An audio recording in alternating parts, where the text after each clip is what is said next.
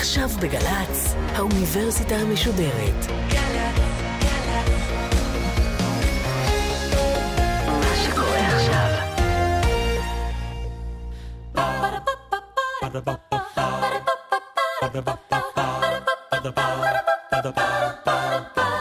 האוניברסיטה המשודרת מציגה מבוא ל עם קובי מידן, והסמסטר טקסטים מכוננים של הישראליות. והפעם שיחה עם הפרופסור נורית יערי מהחוג לאומנות התיאטרון באוניברסיטת תל אביב על מלכת אמבטיה, מאת חנוך לוין. עורכת ראשית מאיה גאייר. כבוד שר הביטחון, ראשי מועצות עירוניות, אישי ציבור ומעלה, ארגוני הורים שכולים, כתבי עיתונות, רדיו וטלוויזיה, קהל אזרחים נכבד. בוש ונכלם, ויחד עם זה אסיר תודה, עומד אני בפניכם היום. מאמציכם הכנים והבלתי נלאים להוריד את ההצגה מלכת אמבטיה, פקחו את עיניי וגרמו לי שאהרהר שנית במה שכתבתי. עתה, עם הורדת ההצגה מעל בימת התיאטרון הקאמרי, יכול אני להודות בראש מורכן. שגיתי. ניצלתי את עקרונות הדמוקרטיה והחופש על מנת לערער את מורל הציבור, לחרף ולגדף מערכות ישראל ולזרוע איבה ומבוכה בקרב אומה מלוכדת. אני חוזר בי מכל מילה ותג שכתבתי. הרי אני מבקש מכם בשפל קול לייחס את משגי לגילי הצעיר ולחינוך הקלוקל שקיבלתי בבית הוריי. ועם בקשת הסליחה, אני מוסיף לקוות שתינתן לי עוד הזדמנות נוספת להוכיח עצמי כאזרח מועיל מן השורה לתפארת המדינה והלאום. את המילים האלה כתב חנוך לוין ב-1970, בחודש יוני, בעקבות הורדת ההצגה מלכת אמבטיה מעל בימת התיאטרון הקאמרי. ההצגה הורדה בעקבות לחץ ציבורי לאחר 19 הופעות בלבד. מה פירוש לחץ ציבורי? נו, את הרוב אנחנו מכירים עד היום. סערה גדולה, עיסוק תקשורתי, דיונים בכנסת, הפגנות, אבל גם הפרעה מאורגנת להצגות עצמן. וגם לאחר כמעט 50 שנה מהאירועים הסוערים ההם, לא קשה להבין את סיבות הסערה. אנחנו שלוש שנים אחרי מלחמת ששת הימים, אנחנו במלחמת ההתשה, כמעט בכל יום נופלים חיילי צה"ל בסיני. וחנוך לוין במלכת אמבטיה, רביו סאטירי בשני חלקים על שבט אחים בצל תותחים, זה השם המלא, מבקר את המיליטריזם הישראלי, את תפיסת העליונות המוסרית שלנו, את הניתוק והזיוף של ההנהגה ואפילו את מושג השכול. אנחנו נדבר על הטקסט המכונן ההוא, מכונן ביותר ממובן אחד, עם הפרופסור נורית יערי מן החוג לאמנות התיאטרון באוניברסיטת תל אביב. פרופסור אה, יערי פרסמה מאמרים רבים על התיאטרון היווני העתיק, על התיאטרון הצרפתי המודרני, על התיאטרון הישראלי, ולענייננו, היא ערכה את הספר חנוך לוין, האיש עם המיתוס באמצע, יחד עם אה, שמעון לוי. שלום לך, פרופסור נורית יערי. שלום. רקע קצת לויני וקצת היסטורי נתחיל, אני חושב, את השיחה הזאת, כי התקופה היא תקופה. והסאטירה של לוין היא הסאטירה השלישית שהוא מעלה. מלכת אמבטיה הייתה הסאטירה השלישית. אה, היו שתי תוכניות קודמות, את ואני והמלחמה הבאה, ב-1968, שזאת הייתה באמת הסאטירה הראשונה שעשתה הרבה רעש באולמות קטנים.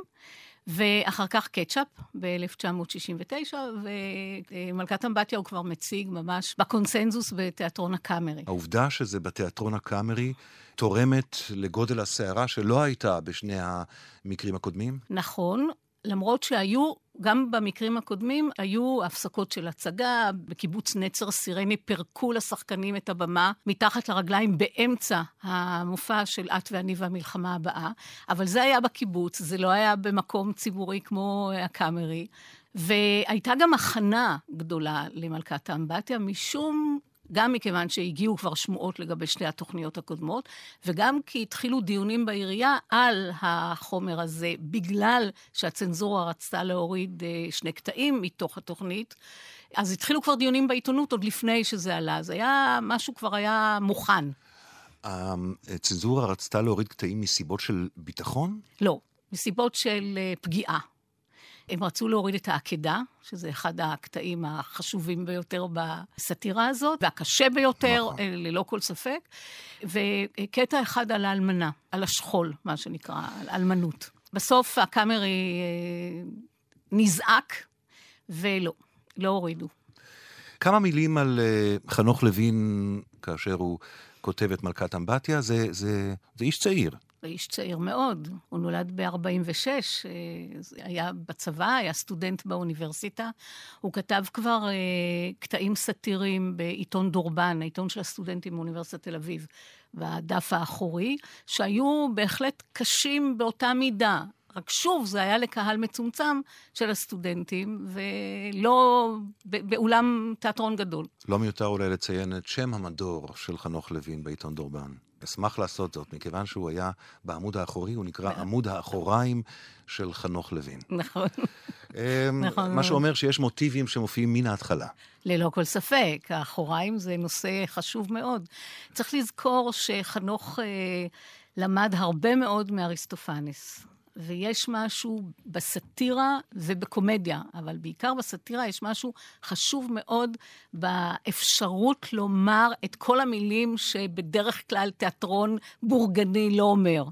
גסויות זה דבר אלמנטרי בקומדיה. זה סוג מסוים של שחרור. שהקומדיה נותנת לנו עוד מהאירועים שלפני הקומדיה בתיאטרון. את מדברת על ההיסטוריה של הסאטירה והקומדיה אה, כ... חלל שבו מותר, קצת כמו נגיד אה, בפורים, חלל ביניים שבו מותר לעשות דברים שביום-יום אי אפשר. אה, יכול להיות שמי שקורא אריסטופנס אה, מבין את זה. אני לא בטוח שכל האנשים קוראים אריסטופנס. אני רוצה לחזור לשורשים מעט קרובים יותר, ואלה שורשי הסאטירה בארץ. האם הייתה סאטירה כזאת, נשכנית כזאת, דוחת קונסנזוס כזאת אה, לפני חנוך לוין אה, ושלוש הסאטירות שלו? לא ממש, למרות שהייתה סאטירה. הייתה כבר הקומקום והמטאטה, החל משנות ה-30, אה, להקת בצל ירוק, מועדון התיאטרון, היו תוכניות סאטירה, אבל אלה היו בעיקר סאטירה של צוחקים ביחד. אנחנו צוחקים ביחד על המצב. פריים קישון, מהסוג הזה. אצל חנוך, זה אגרוף בפרצוף, זה משהו אחר לגמרי. זה פרונט קהל, זה עלבון, וזה באמת רצון לפגוע. השירים אומנם הם יותר רכים, יותר, אה, בעיקר עם המוזיקה, הם, יש בהם גם רוך, אבל בעיקרון הרצון שלו הוא לזעזע, לנער, לפתוח עיניים. אם אני אנסה לנסח ככה מחדש את, ה, את השורות האחרונות של דברייך, אז uh, עד חנוך לוין זה בואו אתם ואני נצחק ביחד על ההוא, על המצב, על הבריטי. על עצמנו. על עצמנו, אבל אנחנו ביחד צוחקים. ומגיע חנוך לוין, ובאיזה היפוך תפקידים, אומר, אני כאן כדי לירוק עליכם. זה התפקיד שלי. זה הצד של, ה, של האומנות שלי, נכון? כן. זה באמת יוצא מכעס גדול, מיכולת ראייה פנטסטית של המצב. מהכרה, כמעט כמו צילום רנטגן של המצב. אז בואי, בואי ניכנס מעט אה, לתוך החומרים של מלכת אמבטיה, אותה סאטירה שלישית שלו, שמעוררת את הרעש הגדול מכולם, הייתי אומר אפילו רעש אייקוני, רעש שנתבע בתרבות הישראלית כאב הטיפוס של סערה תרבותית. אה, משהו בסגנון הזה. קודם כל, יש בפתיחה, את אמרת, הוא צוחק על הקהל או יורד על הקהל, יש עיצוב של הדור הצעיר כדור עלוב. ריק. ריק, חסר ביטחון, עם היבריס מאוד גדול.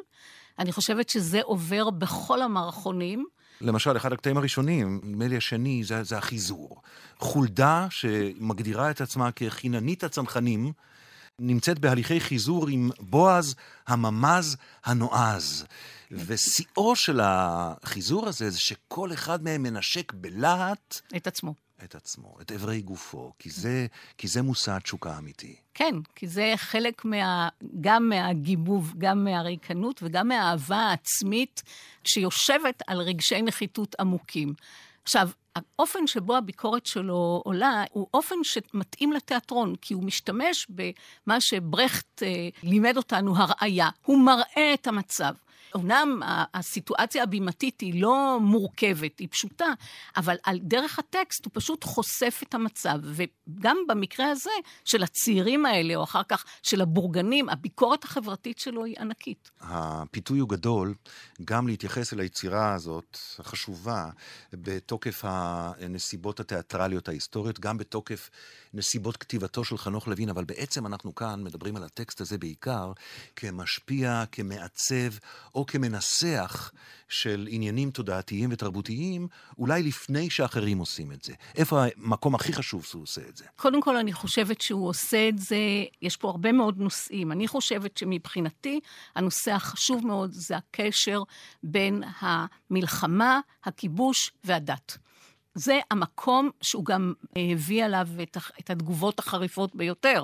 כי על החיזור והרעיון, הצעירים, ואפילו על הבורגנות, אנשי בסדר וכן הלאה, אפשר לעבור על זה עוד על סדר היום. אבל כשהוא מגיע לנושאים שהם ממש בלב ליבו של העם, נקרא לזה, כן? החברה, הנושאים של uh, עקדת יצחק, כבר לא מדברת על, על החיבור בין החייל המת, באבי, כשתעמוד על קברי, יחד עם יצחק. בואי נעצור בנקודה הזאת, אה, בנקודה של העקדה. את ציינת את הקשר של דת, מקומות קדושים וכיבוש. אה, וסאטירה נוקבנית כ- כמוקד אחד שעורר את הסערה, ונדמה לי שהמוקד השני, ואולי אפילו הגדול יותר, הוא בדיוק המוקד הזה, של תפיסת השכול ושל היחס המקודש כמעט, אולי לא כמעט, שהחברה הישראלית נוהגת בנופליה ובמשפחותיהם. ואני מודע לזה שלהגיד את הדברים האלה בגלי צה"ל, אה, זה לא מובן מאליו. ואנחנו אומרים, אני אומר את זה בכל כובד הראש הראוי. ספרי לי על, על העקדה בעיני חנוך לוין. הוא הופך את היוצרות. הוא הופך את היוצרות בכך שאברהם הוא זה שכל הזמן אומר, אה, מה אני יכול לעשות? ציוו עליי. ויצחק שאומר לו, בסדר, אמרו לך, אז תעשה. תעשה, תחתוך אבא, תחתוך. עיוות מוחלט של אותו סיפור שבעצם מהווה אה, בסיס לקשר עם הארץ, אה, ההבטחה של האל, לבנייה של העם. כל מה שהוא נמצא בתנ"ך, בסיפור התנ"כי, עובר כאן היפוך מוחלט. ואז, מכיוון שיצחק אומר לאביו, תתיניו, תשחט. אביו, אברהם, מתחיל להתייחס לזה בהיפוך לויני אופייני מאוד. כאל אה, לעג או, או ביזוי של הבן בקושי של, ה, של האב. כלומר, בעיני אברהם הוא עצמו כן. הקורבן. וכאן יש טענה קשה מאוד של חנוך לוין. אמרת שמדובר על uh, review, uh, שילוב של מערכונים ופזמונים, מיד אחר כך מגיע הפזמון, שהוא אה, אולי אחד מאלה שנשארו הכי הרבה בתודעה מההצגה הזאת. אבי היקר, כשתעמוד על קברי, הבן מדבר אל אביו.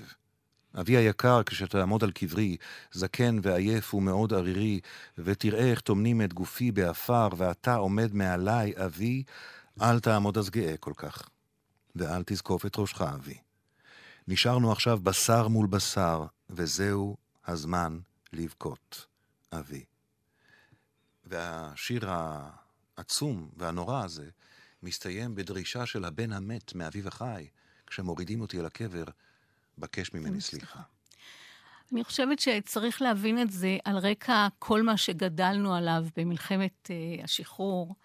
Uh, אם אני מסתכלת רק, ב, ב, נאמר, בתולדות התיאטרון הישראלי, אם את מדבר על הוא הלך בשדות, או uh, על בערבות הנגב, שבהם ברור לגמרי שהבן יוצא למלחמה בשליחות המדינה. הרעיון הזה שהחיילים המתים מתים למען המולדת, וזה הערך העליון. ועל הערך העליון הזה שכולנו גדלנו עליו, גם חנוך, וגם הוא היה בצבא, וגם הוא היה במלחמות, וכולנו חיים אותו עד היום הזה, אותו הוא מנסה, ל... מנסה לעזור לנו להסתכל עליו אחרת. מנקודת המבט של הקורבן. מה הוא מנסה להגיד בעצם בנקודה הזאת? שהאבות אה, צריכים לחשוב טוב יותר לפני שיוצאים כל כך מהר למלחמה. זה דבר אלמנטרי. כשאתה מקדש את המתים, אתה הולך הלאה לעוד מלחמה ועוד מלחמה, אתה מקדש את המקומות הקדושים, אתה הולך לעוד מלחמה ועוד מבצע ועוד מלחמה. אבל כשאתה מבין שיש פה עניין של חיים, חיים של צעירים שלא תמיד כל המלחמות האלה הן מלחמות אה, צודקות.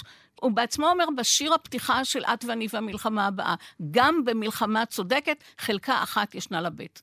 ובאיזשהו מקום, המטרה שלו היא לבוא לומר, בוא נחשוב על זה. ואולי, אני הולכת טיפה הלאה, צריך לחשוב על הנושא הזה של קידוש המקומות הקדושים שבשבילם אנחנו ממשיכים לשבת בשטחים הכבושים ולקיים את הכיבוש, אולי כדאי לחשוב על כמה אנשים אה, מתים כדי להחזיק את המקומות האלה. זאת הטענה הלווינית. כשאת מנסחת את הטענות האלה, מעבר ללהט או לניסוח, הטענות האלה הן אינן חורגות מאוד מן הקונסנזוס, אם בכלל, היום. אבל לא, זה יודעת, לא היה זה אז. טענות של השמאל, זה לא היה לגיטימי אז. לא, אני חושבת שהיום כשאנחנו קוראים את זה, אז מעבר לעובדה שאנחנו מבינים את יכולת הראייה שלו, של התוצאות, למה הדבר הזה יביא, האומץ שלו לומר את הדברים על מנת לפקוח את העיניים. עכשיו, אה, אז לא, לא דיברו כך. לא היה אף אחד שיאמר את הדבר הזה. והוא גם בעצמו מתחיל לשרטט את הסדק הזה שיהיה בעם בין הימין והשמאל. עכשיו, תבין, זה לפני ההת... ההתנחלות הראשונה.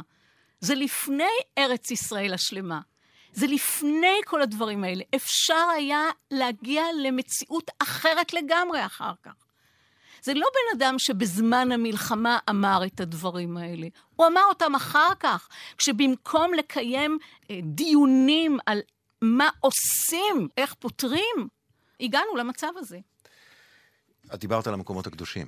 אה, אני חושב שאולי המקום המרכזי אה, שהוא אה, עוסק בו בהצגה, במחזה, בסאטירה, מלכת אמבטיה, זה במערכון שנושא את השם של, ה, של המחזה, המערכון שנקרא מלכת אמבטיה. זה אגב מלכת אמבטיה ולא מלכת האמבטיה, נכון כמו מאוד. שמקובל. אני למדתי את זה בהכנה לתוכנית הזאת, למשל. אה, אני אתן קצת רקע וניכנס, כי זה באמת גם מעניין מאוד, חריף מאוד ועורר סערה. בעצם זה סכסוך משפחתי, יש משפחה, והבן דוד, בן דוד, חי איתם ביחד, שמו יקותיאלי, אם אני זוכר נכון, ויום אחד האימא של המשפחה מחליטה שאסור לו להתקלח או להשתמש בשירותים שלהם. ומכאן מתחיל מאבק גדול מאוד. הם רוצים שהוא יעזוב את הבית, וכדי שהוא יעזוב, מתחילים להצר את צעדיו, ואז לומר שהוא מלוכלך. כפעולת תגמול, הבן דוד הזה, יקותיאלי, מנסה להטיל עליהם מצור. ואז הבעל אומר לקהל, אם יינתן האות פרצנו כסופה, חומת הכיסאות נפלה, טיהרנו את בית השימוש. והבן, ששמו מגנצה, ולא במקרה, אומר לאמו, אימא'לה, מגנצה אמר, מגנצה עשה, בית השימוש בידינו. והבעל בהמשך, אני מדלג, אומר לאשתו, התמונה שבה את מתכופפת מביטה אל דמותך, הנשקפת במים שבתחתית האסלה ולוחשת חזרנו, היא תמונה בעלת רושם בל יימחה. גם היום, 50 שנה כמעט אחר כך, אלה דברים שחריפותם נותרה בהם. ללא כל ספק, כי הוא פשוט מוציא את המילים האלה מהתחום של הצבא, של המלחמה, של הדת, ומעביר אותם לתוך סיטואציה שהיא אבסורד מוחלט. כשיושבת אותה יבטושבה, שהיא האימא של אותה משפחה, יושבת על, על האסלה ואומרת, אנחנו מושיטים ידינו לשלום, כל אויבינו, אנחנו... זו מטאפורה ברורה של אה, מה שקרה אז בממשלה. צריך כאן לפתוח סוגריים נוספים, אני חושב, וכן לדבר על זה בהקשר של היצירה של לוין, שנמצאת כאן רק בראשיתה. זאת בעצם הסאטירה ההתחלה. האחרונה שהוא יכתוב למשך זמן רב, הוא יעבור למחזות של התקופה הראשונה. אלה המחזות הלוויניים מכולם, יעקבי וליידנטל, וחפץ וכולי וכולי. שם הוא מנסח את השפה, את העולם הלוויני שאנחנו מכירים. אבל צריך להגיד עוד משהו, שגם כאן, בתוך הקטעים הסופר פוליטיים והסופר שטוחים מבחינה דרמטית האלה, מופיעים מוטיבים שיופיעו אצל לוין, דיברנו על האחוריים, דיברנו עכשיו על בית השימוש, גם מוטיבים כמו ההשפלה ההדדית, משחק ההשפלה הנצחי, ועוד ועוד ועוד, הרדוקציה, ההפחתה של תכונות אדם לכדי תכונה אחת או שתיים. נכון.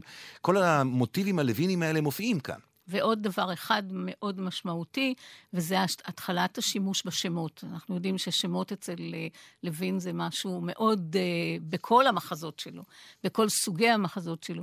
וגם גם כאן, כל אחת מהדמויות יש לה שם שמציין לאיזה קבוצה בחברה היא משתייכת.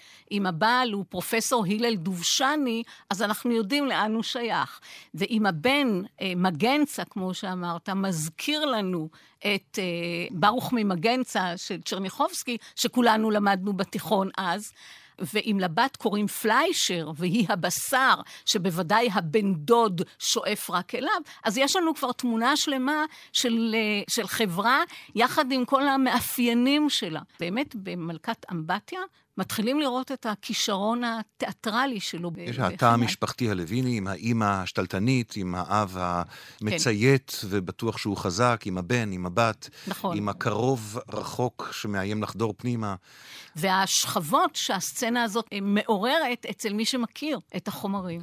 יחד עם זה, למרות שיש כאן באמת שלל אלמנטים לויניים לעתיד לבוא, שוב, האלמנט הלוויני שמשך הכי הרבה אש, הוא אלמנט ההפרשות. כן. כולם דיברו על ההתרכזות שלו וההתמקדות שלו בפעולות מהעין, והמבקרים אמרו, הנה הוכחה לפתולוגיה.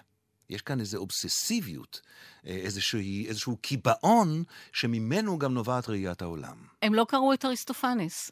מה אני יכולה לומר? זה סוג מסוים של אה, אה, להרגיז. להרגיז על מנת לגרום לאנשים לראות, לשמוע.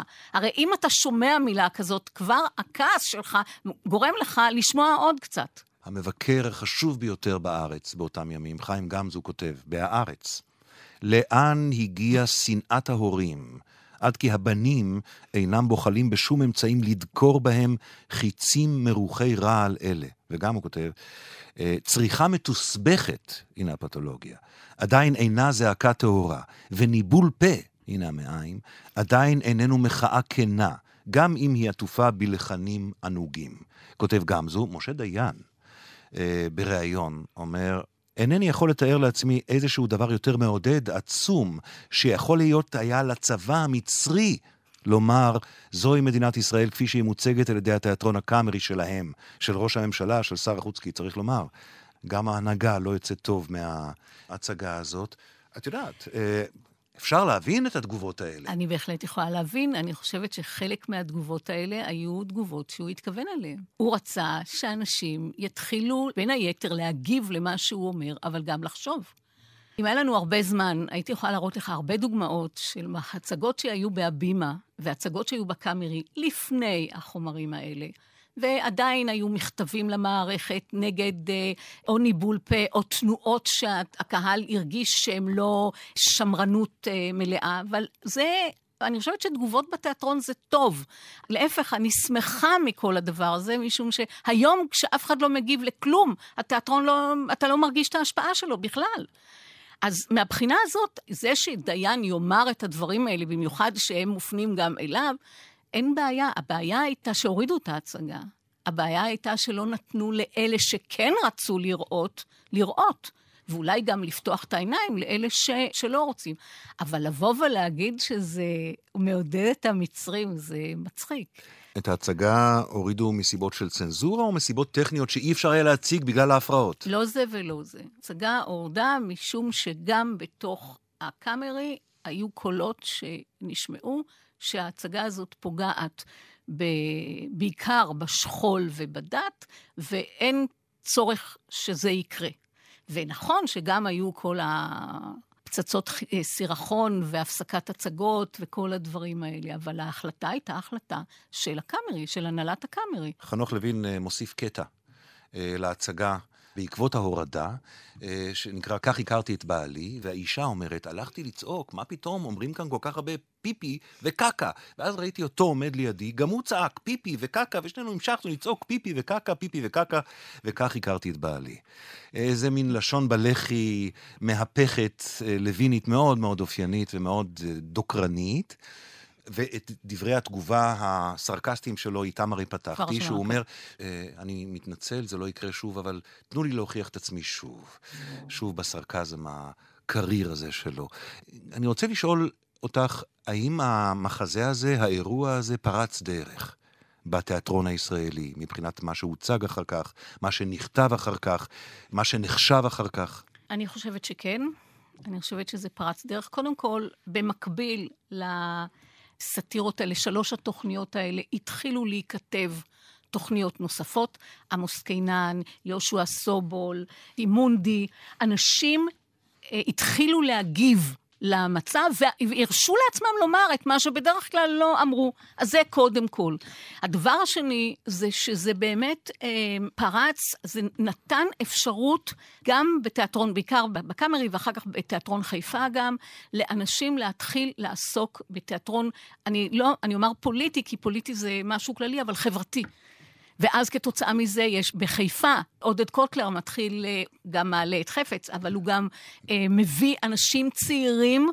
הלל מיטלפונקט, יהושע סובול, כבר אמרתי, חנוך מתחיל שם, ומביאים תיאטרון חדשני לתיאטרון הישראלי, חומרים חדשניים, הרבה מאוד ביקורת חברתית. ואת העקבות אה, המכוננות של אה, מלכת אמבטיה וגם של האחרים, את רואה גם, נאמר, בסאטירה הטלוויזיונית הישראלית, הנוכחית, למשל?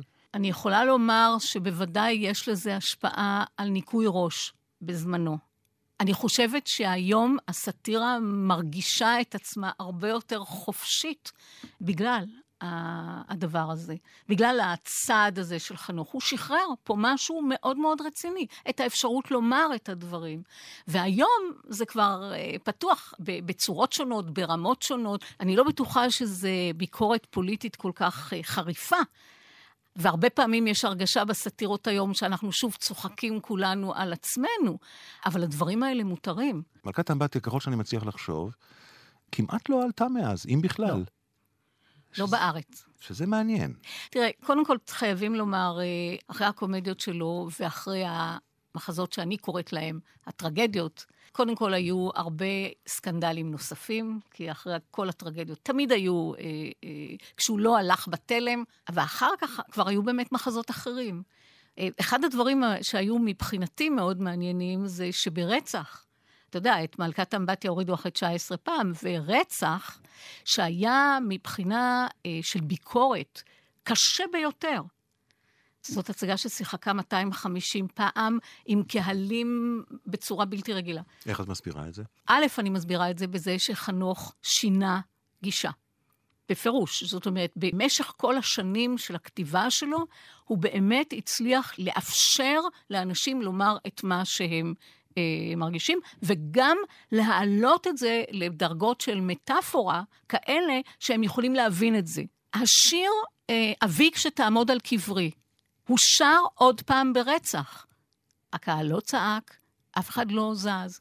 כולם קיבלו את זה כבר כמשהו שהוא חלק מהתרבות. וממרחק של זמן, הרי סאטירה שמתייחסת לתהליכים פוליטיים, חברתיים, קונקרטיים, היא ז'אנר שיש לו יחסי גומלין מסובכים עם הנצח האומנותי. כי מכיוון שהנסיבות נשתנו, קשה להעריך את האמירה הסאטירית, או להבין אותה. לפעמים מהפכות שמצליחות אה, גורמות להסתכל על תחילתן במין הסתכלות טריוויאלית כזאת. מה הסיפור של מלכת אמבטיה בהקשר הזה? כטקסט תיאטרוני היום, הוא טקסט מופתי או טקסט שעשה עבודה ותם זמנו? זה טקסט מופתי. אני מאוד לא אובייקטיבית, אבל אני זה... אני שם לב, כן. אבל זה טקסט uh, מופתי. אני מלמדת את החומרים האלה כל שנה באוניברסיטה, ואנשים עכשיו אומרים, אבל הוא ממש מתאר את המצב שלנו. זאת אומרת, יש איזו תחושה שזה עדיין מדבר את המציאות, ומבחינה אומנותית זה קיים כבר, וזה כן מתחבר. עם הנצח. אי אפשר שלא לסיים את השיחה הקצרה הזאת בשורות משיר שמופיע די בתחילת המחזה, אה, שנקרא אנחנו אנשי בסדר. Mm. אנחנו אנשי בסדר, אנשי בסדר גמור. דור הולך ודור בא, ואנו עומדים לעולם. אנחנו אנשי בסדר, אנשי בסדר גמור. אצבע בתחת ושיר בגרון, כי טוב ומסריח וחם. אלה מילות סיום להרצאה באוניברסיטה המשודרת. פרופסור נורית יערי, תודה רבה לך. תודה רבה לך. Ba-da-ba-ba-ba האוניברסיטה המשודרת, מבוא ל. קובי מידן שוחח עם הפרופסור נורית יערי מהחוג לאומנות התיאטרון באוניברסיטת תל אביב על מלכת אמבטיה מאת חנוך לוין. עורכת ומפיקה מיקה נחטיילר. מפיקה ראשית אביגיל קוש. מנהלת תוכן מאיה להט קרמן. עורך דיגיטלי עירד עצמון שמייר. האוניברסיטה המשודרת, בכל זמן שתרצו באתר וביישומון של גל"צ וגם בדף הפייסבוק של האוניברסיטה המשודרת.